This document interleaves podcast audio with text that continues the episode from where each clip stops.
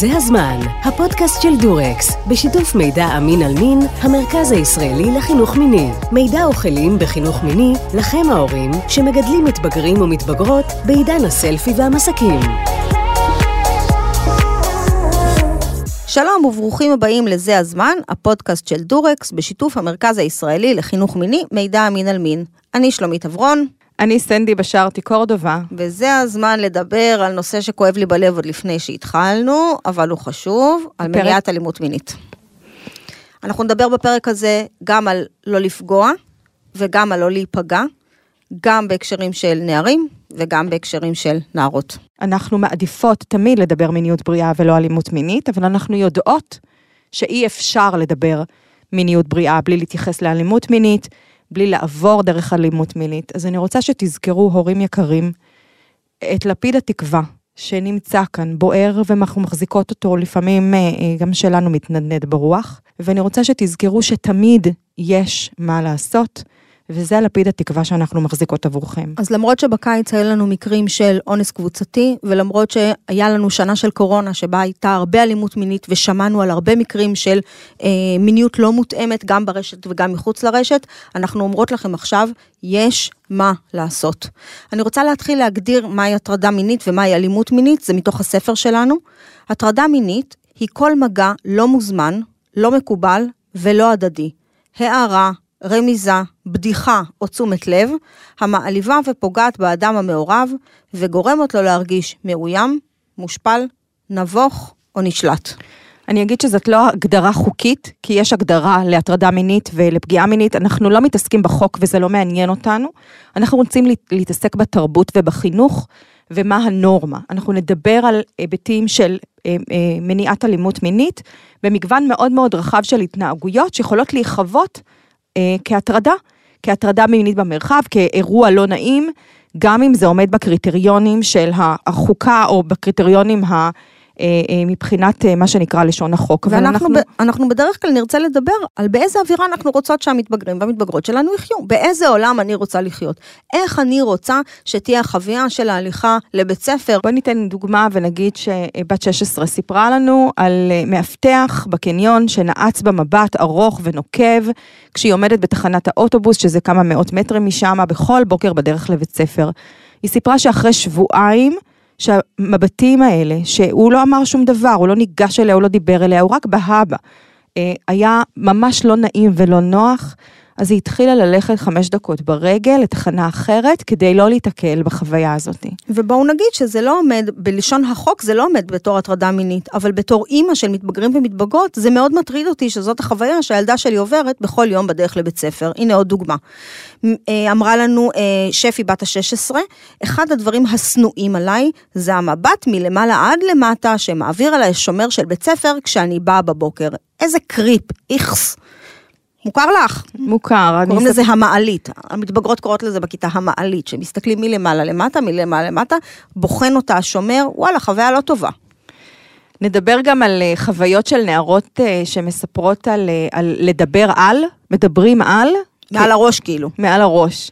חיילים במפקדה היו מדברים על אחת הבנות כאילו לא עליה, אבל עליה. מכירה את זה, שלומית? ברור. אוקיי. Okay. אתה יודע מה מעמיד לי? בנות שחורות עם קוקו גבוה ונעלי ריבוק, היו מתארים כאילו הם מדברים עליה אבל לא עליה, עומדים לידה כשהייתה בול עם קוקו כזה ונעליים כאלה באותו בוקר. זה מחמיץ בלב, את יודעת, זה ככה מכווץ לנו בלב לשמוע את הסיפורים האלה. בעיקר בגלל שאני חושבת שאין נערה, ולדעתי גם חלק גדול מהנערים, שלא מכירים את הדבר הזה. הנה הטרדה מינית במסכים, אפרופו שנת הקורונה שעברה אלינו, כתבה לנו מורן בת ה-16, דיברנו קצת בוואטסאפ, פתאום הוא שלח לי תמונה של איבר המין שלו. כמה את שומעת על זה, סנדי? וואו, מלא, דיקפיק. כמות התמונות דיקפיק שנערות מקבלות במדינת ישראל הוא משהו בלתי נתפס. את יודעת מה שמעתי בשנה האחרונה שביאס אותי? שהן מדפדפות את זה, שזה לא אכפת להן. כן, בסדר, הוא שלח לי דיקפיק, יאללה, נו, לא אכפת לי כבר. ואני מתבאסת מזה, כי זה אומר שיש איזה חספוס אה, לא מותאם לגיל שקורה כתוצאה מהמפגש האינסופי עם תמונות מיניות לא מותאמות. בוא ניתן עוד דוגמה, דווקא עם, אה, עם, עם נערים ונערות בתוך אה, מסגרות חינוכיות, אחד הנערים אה, ככה לחש למישהי באוזן, איזה כוסית את.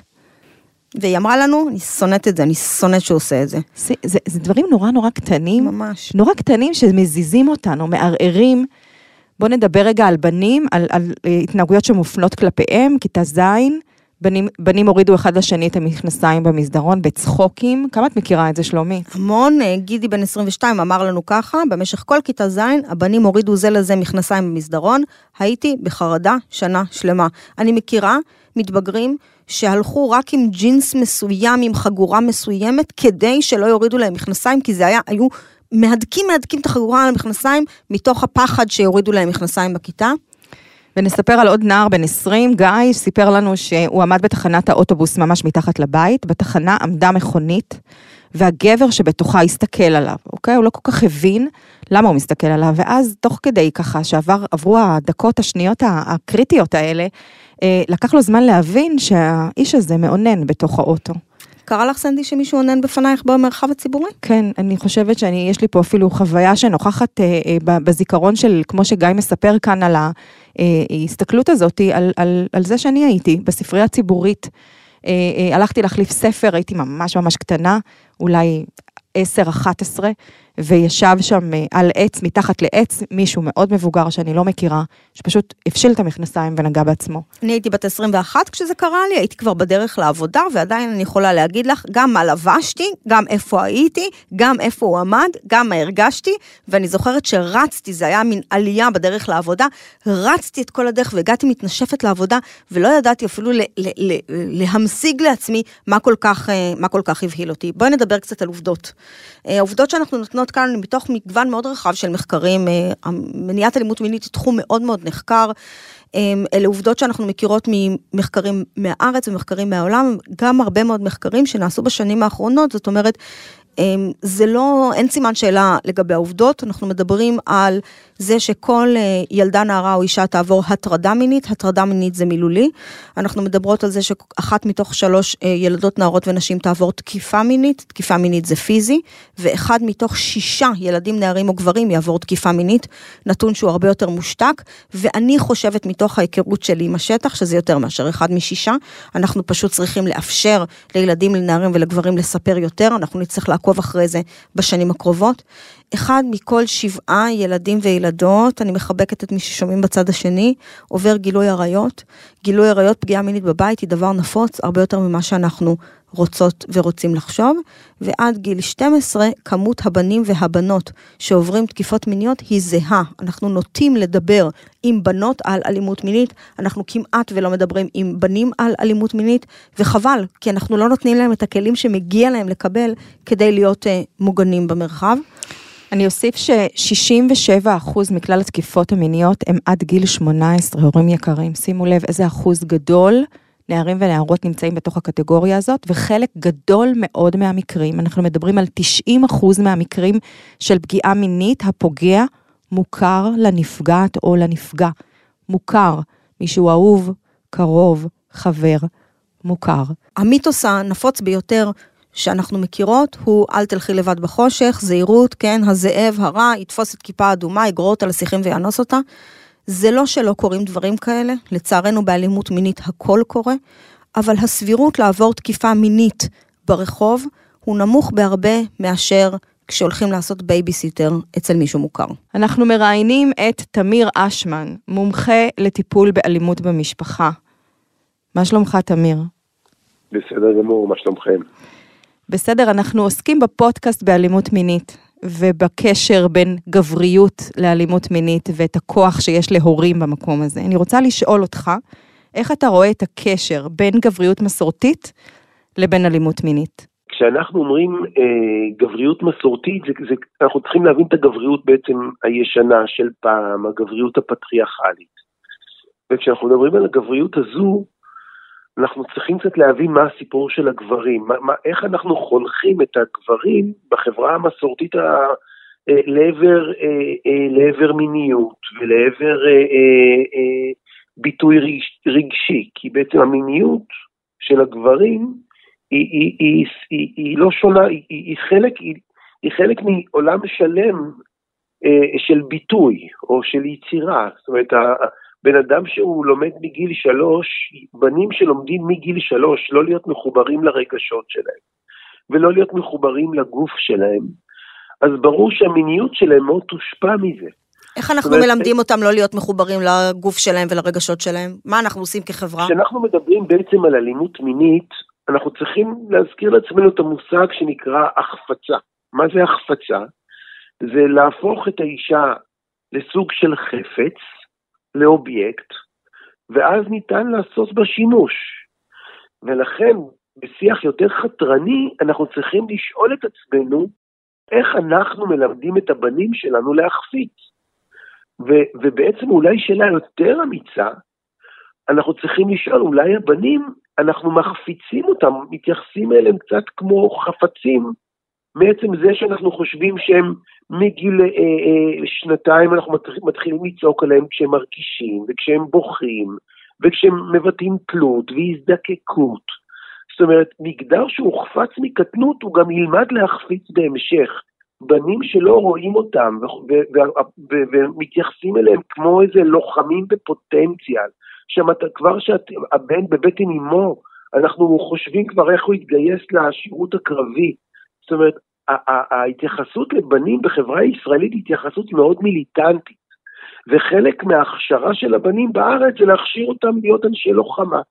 ובאנשי לוחמה, אז כמה, שיותר, כמה שפחות ירגישו, ושיהיו פוקר פייס, ולא, ולא לא ייתנו הכרה לכאב.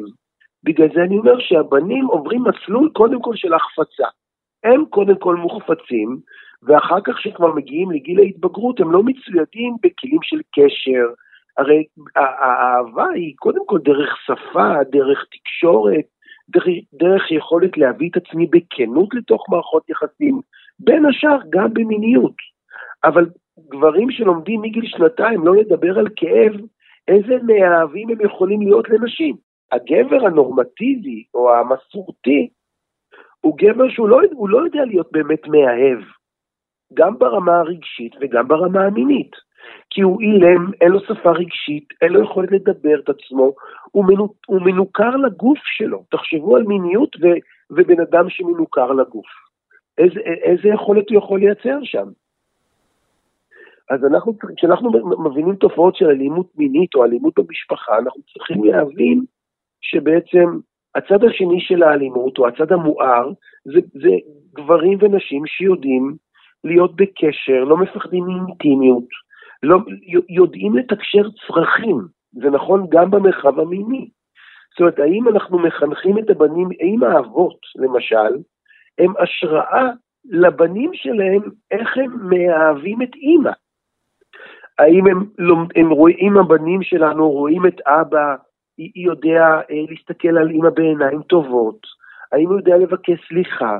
האם הוא יודע להנגיש את העולם הרגשי שלו אה, בסלון בבית לעבר חברי המשפחה?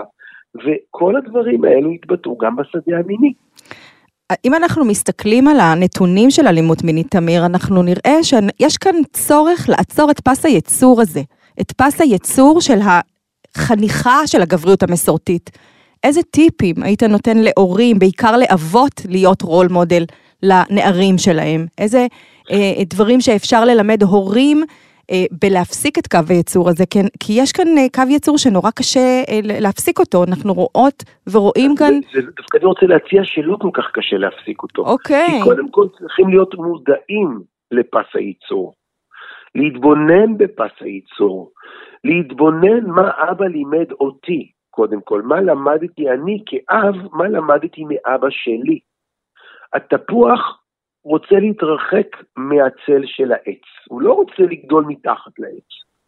אז כשאנחנו מדברים על הפסקת קו הייצור, אז קודם כל להעיז לייצר נקודת מבט מעט ביקורתית על האבא שהיה לנו, שיש לנו. כשאנחנו מדברים על, על הפסקת קו הייצור, הנקודה הראשונה זה יכולת לפתח נקודת מבט ביקורתית על האבא שהיה, שהיה שם. איך אבא שלי ידע לאהוב את אימא, איך אבא דיבר מיניות, האם, האם, האם הוא ידע אה, אה, אה, לחבק, האם הוא ידע ללטף, האם הוא ידע להיות מאהב באמצעות שפה ומילים, אז קודם כל כדי להפסיק את פס הייצור אני צריך לדעת להתבונן במטריקס עצמו. איך אבא, מה אבא, מה אבא שלי היה, והאם אני רוצה להיות הגרסת חיקוי שלו. או שאני רוצה לפרוץ את תקרת הזכוכית של, כאילו רבים מאיתנו משחזרים את אהבת האב כגברים, איך אבא אהב את אימא, אז אני פחות או יותר אנסה לשחזר אותו. החכמים, פורצי הדרך, הם מנסים לעבור דרך תקרת הזכוכית של אהבת האב את, את, את אימא, והם מנסים לאהוב את, את זוגתם בדרך חדשה. דבר נוסף שעוזר להפסיק את פס הייצור, זה להבין, כמו שאמרתי מקודם, אם יש לי בן כרגע, האם אני אנסה לדכא לו את המערכת הרגשית, שזה המהות של הפס הייצור, הוא יעבור דיכוי שיטתי של המערכת הרגשית והגופנית, אז כאב מוטל עליי לא לצרוח עליו שהוא בוכה, האחריות שלי לחבק אותו שכואב לו, לא להיות מבועת שאני מגדל איזה ילד כאפות או איזה... רבים מהאבות מספרים לי כמה, רבים הם גם הם הומופ, הומופובים כאלה. הם מפחדים שאם, שאם הם אה, אה, יחזקו את הרגישות הטבעית של הבן שלהם, הם מסכנים את הבן בג'ונגל שנקרא חיים. זו טעות חישוב מאוד מקובלת אצל אבות. ואם רוצים להפסיק את פס הייצור, אז אבות צריכים להסכים להיות השראה לבנים שלהם, שהם יודעים להיעזר ויודעים לשת... הם... הרי הבן לא... זה לא משהו שאפשר להטיף לו מוסר. האבא צריך לעבור תהליך של שינוי או התפתחות כדי להיות אבא חומל, אבא אה, אה, מרגיש, אבא שיודע, שהוא בטח מחובר למיניות ולגוף ויודע לבטא אותה בצורה בריאה.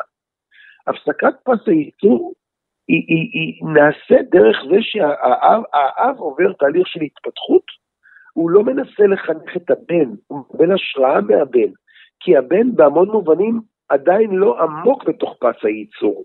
וגם הסביבה של הבנים שלנו היום היא הרבה יותר בריאה ממה שאנחנו גדלנו עליו בשנות ה-80, ה-70 או ה-60. אז אנחנו רואים פה התקדמות. אנחנו כן רואים שפס הייצור היום יש בו בהסתכלות אחורה קצת יותר, אה, קצת יותר אפשרות אה, של, של לראות את השינוי. יש תקווה, אני נכון? אני לא אגיד אפילו קצת יותר, יש פה מהפכה. זאת אומרת, אני, יש לי בן, בן 11, אני, אני פוגש בני נוער כבר 20 שנה בבתי הספר, מדברים על הנושאים שאנחנו מדברים כרגע.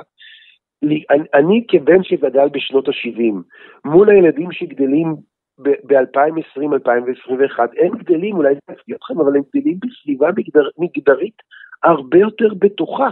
להיות, אה, אה, היום יש הרבה יותר אה, גמישות מגדרית. היום נער בגיל ההתבגרות שיוצא מהארון, זה לא יוצר איזו תגובה הומופובית נורא חזקה.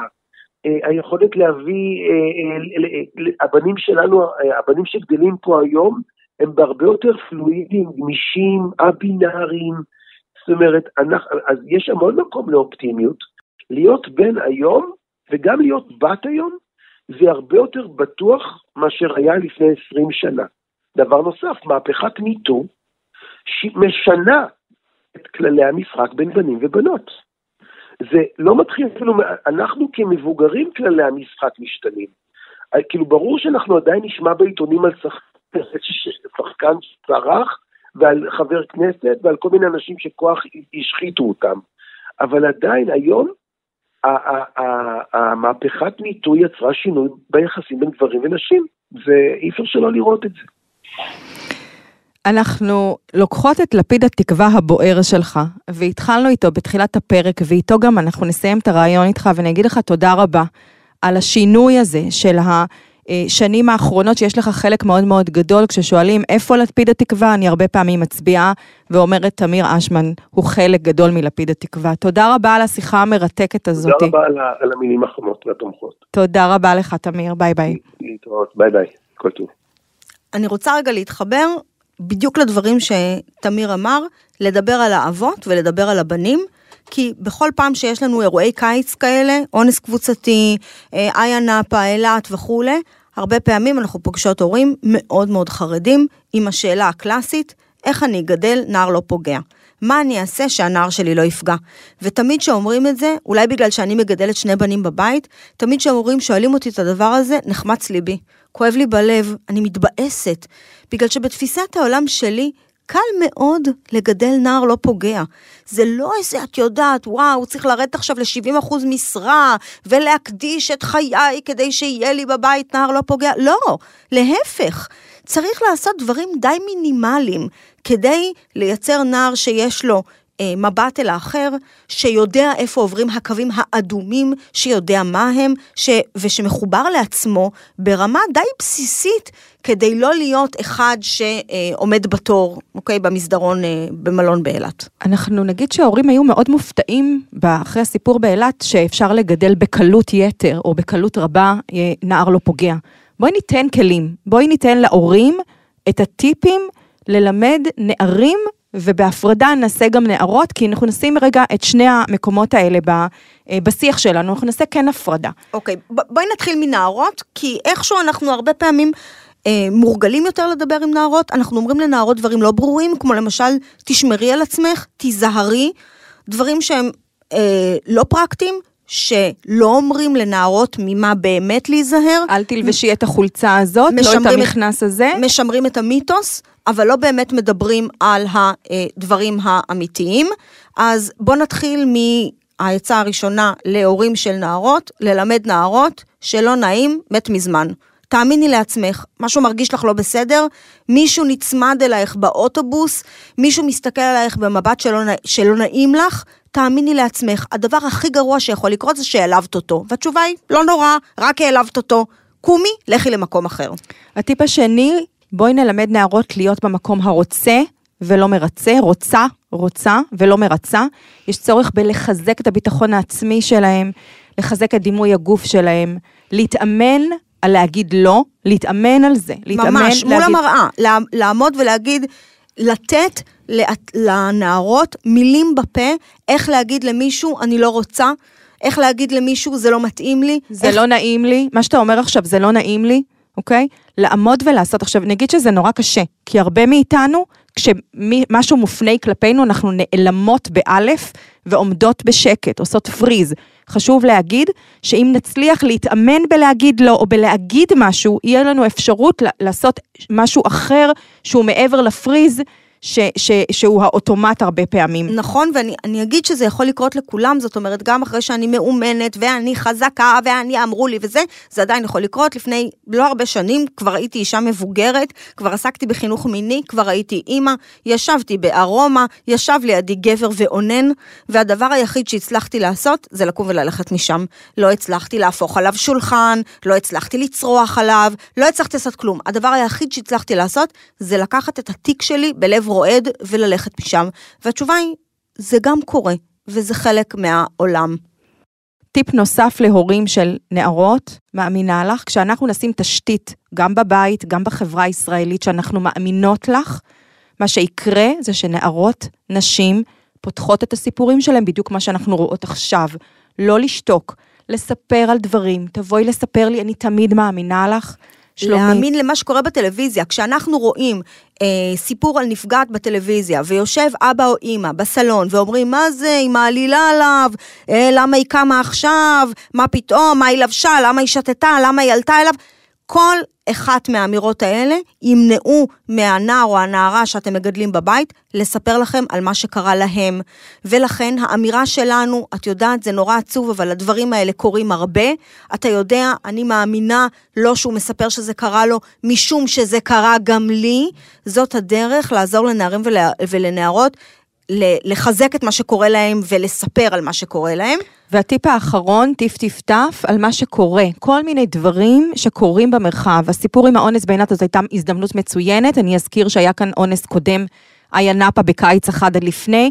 הטפטוף הזה של לטפטף, תמיד להאמין, תמיד להגיד אה, שכשאת אה, באה לספר לי אני מאמינה. אני גם מאמינה לנערה מאיה נאפה ואני מאמינה לנערה באילת. תמיד להיות סמן ימני.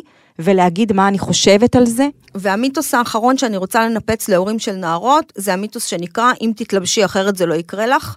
זה דבר שנועד להגן על הנפש. זאת אומרת, אנחנו רוצים להרגיש שיש לנו שליטה בעולם, ולכן קל לי מאוד להגיד לנערה, אם את תתלבשי ככה יפגעו בך. והתשובה היא שזה לא הוכח בשום מחקר, ויש הרבה מחקרים על זה. אנחנו לא רואים הבדל בפגיעות מיניות, בוודאי לא בתקיפות מיניות, אה, לא במרחב ולא בבית. לא אצל אה, ילד אה, או ילדה שגדלו בבני ברק, לא אצל ילד או ילדה שגדלו בג'יסר א-זרקא, לא אצל ילד וילדה שגדלו בנתניה ולא בבאר שבע. אנחנו רואים חיתוך יחסית אה, אה, דומה של אלימות מינית כלפי כל הילדים והילדות, בין אם הם כאלה שלובשים מאוד צנוע ובין אם כאלה שלובשים מאוד לא צנוע, ואין קשר בין בגדים לבין תקיפה מינית. בואו נעבור להורים של נערים, מה נלמד אותם? מה מניע נערים? מה אנחנו רוצים להגיד? הדבר המרכזי זה חיזוק של הביטחון העצמי, אוקיי? חיזוק הביטחון העצמי זה אומר לדבר על זה שאתה שווה גם אם לא ניסית שום דבר. אין משהו שאתה צריך להשיג כדי לאשר את האישיות שלך, לאשר את הגבריות שלך. אתה גבר כי אתה גבר, אוקיי? אתה נולדת גבר, אם אתה מרגיש גבר, אתה גבר, אתה לא צריך להוכיח שום דבר לאף אחד, אתה שווה as is. לקחת, אה, טיפ שתיים זה לקחת את השיח על גבריות אחרת, מה שתמיר הזכיר אה, בעינינו איך הגבריות המסורתית עייפה, ולשים שיח של גברויות, אפשרויות רבות של גבריות. אני רוצה לתת דוגמאות שאני עושה עם הילדים הפרטיים שלי בבית. כשהילד שלי, אה, נגיד, התייחס יפה לאח שלו, או עזר לי, או ראה, הכין ארוחת ערב, כן, כי הוא ראה שמאוד קשה לנו, התנהג כמו בן אדם. אחד מהדברים שאני אוהבת להגיד להם זה, איזה גבר היית היום? איך ראית אותי? איך עזרת לי? איזה לב יש לך? אתה פשוט אחלה גבר. ובעצם לחבר את המושג גבריות עם המושג חמלה, עם המושג לראות את האחר, עם המושג של עזרה הדדית. איזה גבר אתה גדל להיות, יש לך לב אה, גדול ורחב כמו הלב של אבא. איזה גבר אה, מהמם אתה אה, הולך להיות, כי היום התנדבת כמו סבא. זאת אומרת, להסתכל מסביב לא רק על ייצוגים של גבריות מסורתית, ולשים גבריות חדשה בפה שלנו ובלב של המתבגרים שלנו. אנחנו נראה שעם מתבגרים אנחנו נצטרך לדבר והרבה על לחץ קבוצתי, על מה זה אומר להיות יחד עם קבוצת השווים, על איזה מחסור יש לנו בהתמודדות עם לחץ חברתי, כמה אני רוצה להיות חלק ואותו דבר, וכמה אני יכול להגיד שאני שונה, כמה אני יכול להגיד לא, כמה כוח יש לי להתמודד, לעשות עם מתבגרים סיטואציות. חברים שלך עושים, כולם מחליטים עכשיו לצלם את הפין שלהם. אתה מצלם את הפין שלך, כולם מצלמים עכשיו את עצמם בלי חלק תחתון או בלי חלק עליון. אתה עושה, לעשות סימולציות ולהגיד את מה אתם חושבים במקום הזדמנ... הזה. זאת הזדמנות לעשות טיף-טיף-טף, אנחנו ניתן לכם אה, אה, זיכרון לדברים של אה, טיף-טיף-טף. למשל, אני עומדת, מבשלת חביתה ארוחת ערב, המתבגר יושב מאחורה, הוא עם הסלולרי שלו, אני אומרת לו, שמע סיפור שחברה אמרה לי אתמול, הם היו בטיול שנתי, וכל החבר'ה שלה, ש... וואי, בדיוק בגיל, נראה לי בדיוק בגיל של... שלך, כן? כאילו, גם הם 14, הם כולם החליטו שהם מורידים את המכנסיים ומצלמים רק את הישבנים, ואז הם הדפיסו את זה ותלו את זה באוטובוס על החלונות. מה אתה אומר? זה דוגמאות, כן? להמציא בראש שלכם דברים שהייתם רוצים לשאול אותם, ולשאול על מישהו אחר. לא מה אתה היית עושה, שומע מה הוא עשה? שומע מה היה שם במקום אחר, רחוק, בעיר אחרת, אוקיי? של חברה שלי. ולשים את הסיטואציות כדי ש... כדי לתרגל אותם, לתרגל אותם אה, מחזיקים לחץ, אה, לחץ קבוצתי. אנחנו נזכיר למתבגרים והמתבגרות שלנו מנטרות ביציאה מהבית, אל תשכח, רצון הדדי נלהב, לא הסכמה, רצון הדדי נלהב, אל תשכח, אם חבר שלך מתבלבל ומתנהג בצורה לא יפה, דבר איתו. זאת מהות החברות, אל תשכח טפטופים, טפטופים ביציאה מהבית, מנטרות, משום תזכור. שאנחנו רגילים לעשות את זה עם נערות. אנחנו רגילים להגיד לנערות שיוצאות מהבית, תיזהרי, אל תלכי לבד בשירותים, תשמרי על הכוס שלך, שימי לב.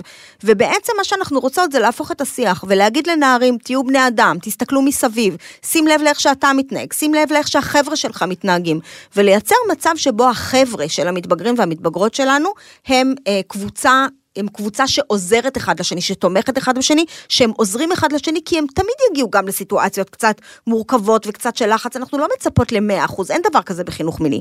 אם 70% מהזמן הם מצליחים להחזיק אחד את השני, זה אומר שמצבם הוא לא רע בכלל. אני אזכיר עוד מקום אחד שאפשר לעשות בו טיף טיף טף שהוא מאוד חשוב, וזה בסדרות בטלוויזיה. תראו, סדרות בטלוויזיה וסרטים, או כל נטפליקס וכל סרט, יש בתוכם גם אלימות מינית. ככה זה. אה, אם אני אתן אה, כדוגמה דווקא דברים ישנים, כדי שיהיה נוח למאזינים אה, להיזכר, גם למשל ב-Friends, או ב-How I, met your mother, איך פגשתי את אימא שלך, כל, שלך כל הזמן יש שם סצנות שהן אלימות מינית. ברני, באיך פגשתי את אימא שלך, הוא דמות סופר פוגענית. עכשיו, האם אפשר ליהנות מהסדרה? התשובה היא לגמרי. האם אפשר לראות חברים? אני עכשיו גמרתי סשן, ראיתי את כל הפרקים של חברים מההתחלה עד הסוף ונהניתי מאוד. אבל אני מסתכלת על זה עם המתבגרים שלי, גם בעיניים ביקורתיות. ואני גם אומרת להם, הוא מתנהג כמו, כמו אידיוט, אוקיי? הוא מתנהג חרא. זה מתאים ל-1990, לא מתנהגים ככה יותר. זה לא מקובל יותר. וזה הזדמנויות קלאסיות להראות איך, אני לא מדברת על אונס קבוצתי, אני מדברת על הטרדה מינית, אני מדברת על להתייחס למישהי כמו פח. איך הדברים האלה, אפשר לראות אותם בטלוויזיה, לדבר אותם ולעשות טיף טיף, טיף טיף, טיף טיף. הורים יקרים, את כל הטיפים שנתנו כאן תוכלו למצוא בפוסטר שנקרא לאהוב את הבנים שלנו ולסמוך עליהם באתר שלנו, המרכז הישראלי לחינוך מיני. בלי פאניקה, מיניות מותאמת ובריאה בגיל ההתבגרות. שלומית, הגענו לפינתנו. בלי פאניקה. בלי פאניקה, דווקא הפעם קצת יש פאניקה.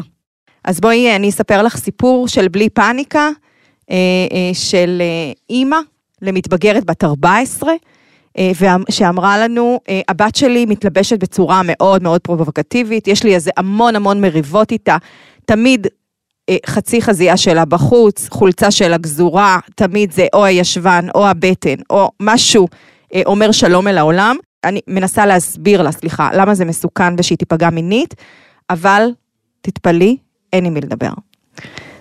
מה את אומרת? אני אומרת, אימא יקרה, אהובה ו... ומובנת לי מאוד. אני מבינה את הרצון שלך להגן על הבת שלך, הבגדים לא יגנו על הבת שלך. זה לא אומר שאין לך say במה הבת שלך לובשת.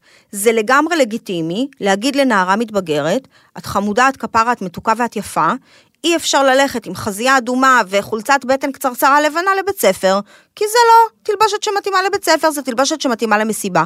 אבל את צריכה לדעת, אמא יקרה, זה לא מה שיגרום לפגיעה מינית בבת שלך. מה שיגרום לפגיעה מינית בבת שלך, זה סביבה לא מוגנת. אני אגיד שזה מקום מאוד, אה, שאנחנו שומעות עליו כל הזמן, את האמביוולנטיות בין להרגיש חופשי בתוך הגוף שלי, לבין מה אני לובשת, לבין פגיעה מינית. זאת אומרת, יש כאן דיון מעניין סביב הלבוש. אני אגיד לאימהות אה, ככה, רק אה, בסאבטקסט של הדברים, שימו לב שבגדים של נערות, מלכתחילה, הם בגדים קטנים יותר, קצרים יותר. אה, מאשר של נערים באותו גיל נכון, ובאותה מידה. נכון, וגם פה יש איזשהו מסר, זאת אומרת, אני רוצה שתבינו, הורים יקרים, שאם את בוחרת לא לתת לבת שלך ללבוש חולצה מסוימת, זה ממש בסדר להגיד שזה לא מתאים בבית שלך, כי ככה את החלטת, כי ככה את חושבת, הדבר המרכזי שאנחנו רוצות להגיד כאן, שזה לא מונע פגיעה מינית. נכון. מה שכן נמנע פגיעה מינית זה העצות שנתנו קודם. בעצם איזשהו חיזוק של הביטחון העצמי, להאמין בהם, לתת להם כלים לאיך מתמודדים בתוך סיטואציות ולא להכחיש את הסיטואציות, אבל אה, בגדים לא, לובש, אה, לא גורמים ל, אה, לפגיעה מינית. זה נורמלי, התנהגות מינית נורמטיבית בגיל ההתבגרות. הגענו לפינתנו, זה נורמלי. והפעם זה לא נורמלי, אז קחי בחשבון. אז בואי נשאל. להוריד מכנסיים כחלק ממשחק צחוקים של כיתה ז'? לא צחוקים ולא נורמלי, ולא לנרמל את זה ולא לעשות מזה משהו שהוא סביר. להוריד פליק בישבן של נער שעובר לידי בכיתה? התשובה היא לא. כשאני שלחתי את הנער שלי לבית ספר, אני לא לקחתי בחשבון שמישהו ייגע לו בישבן. זה לא, זה לא חלק ממה שהגיוני וסביר לחוות בבית ספר. את מכירה את, אה, את המשחק שרוק? אני מכירה, את חושבת שהורים מכירים את המשחק בואי שרוק? בואי נספר להם מה זה שרוק, שלומית. בבקשה, שרוק זה משחק שקוראים לו לפעמים גם אה, אה, ארבע ארצות. זה אומר שמישהו תופס באשכים של החבר שלו, זה בצחוקים, עם כל המרכאות שאני יכולה לעשות, ועד שהנער השני לא אומר ארבע ארצות או לא שורק, אז לא עוזבים לו את האשכים. האם זה נורמלי? אני חושבת שגם ההורים יודעים שזה לא נורמלי. לכנות אחד את השני בשמות של האימהות? בוא נסביר, נכנס נער לכיתה ואומר, בוקר טוב לרותי, איזה לילה היה לנו היום, כשהוא פונה לרוני, הבן של רותי. האם את פוגשת אה, מתבגרים שעושים את הדבר הזה, סנדי? כולל בית ספר שנדרשנו לעשות שם טיפול יחד עם האימהות, ביחד עם הנערים והנערות, התשובה היא בהחלט, אבל זה לא נורמלי. ונגיד שזה גם לא משהו שאפשר להתעלם ממנו, זאת אומרת, זאת לא בדיחה מצחיקה, וזה לא משהו שצוות חינוכי יכול לא לשמוע. אם פה כולם קוראים אחד לשני בשמות של האמהות, צריך לקטוע את זה, לעצור את זה ולשים לזה סוף. אנחנו נגיד שיש יותר מדי אלימות במרחב, אנחנו רואות אותה, שומעות אותה, פוגשות אותה.